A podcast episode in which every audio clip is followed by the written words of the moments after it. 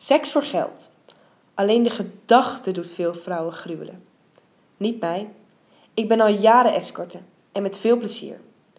Nieuwsgierig naar wat zich allemaal afspeelt achter de schermen bij een meisje van de nacht?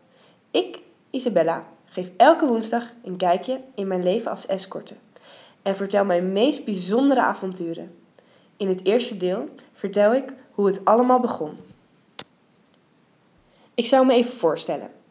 Mijn naam is Isabella, of liever gezegd, zo noemen mijn cliënten me.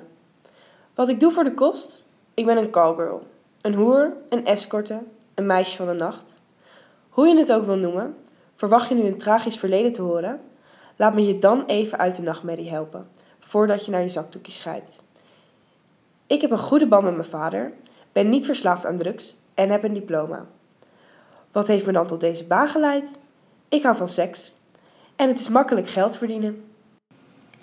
Het is al enige tijd geleden dat ik met knikkende knieën het bureau binnenstapte.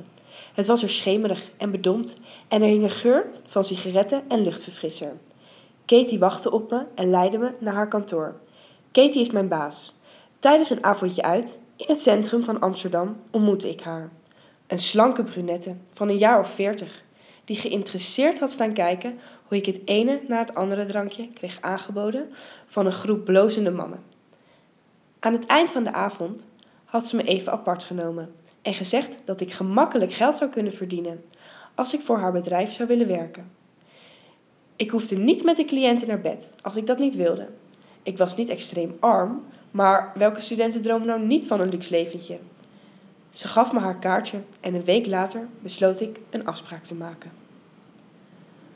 Nog een week later had ik mijn eerste afspraak met een cliënt. Een man van boven de 50 die voor zaken in het land was en graag wilde dineren met een mooie vrouw.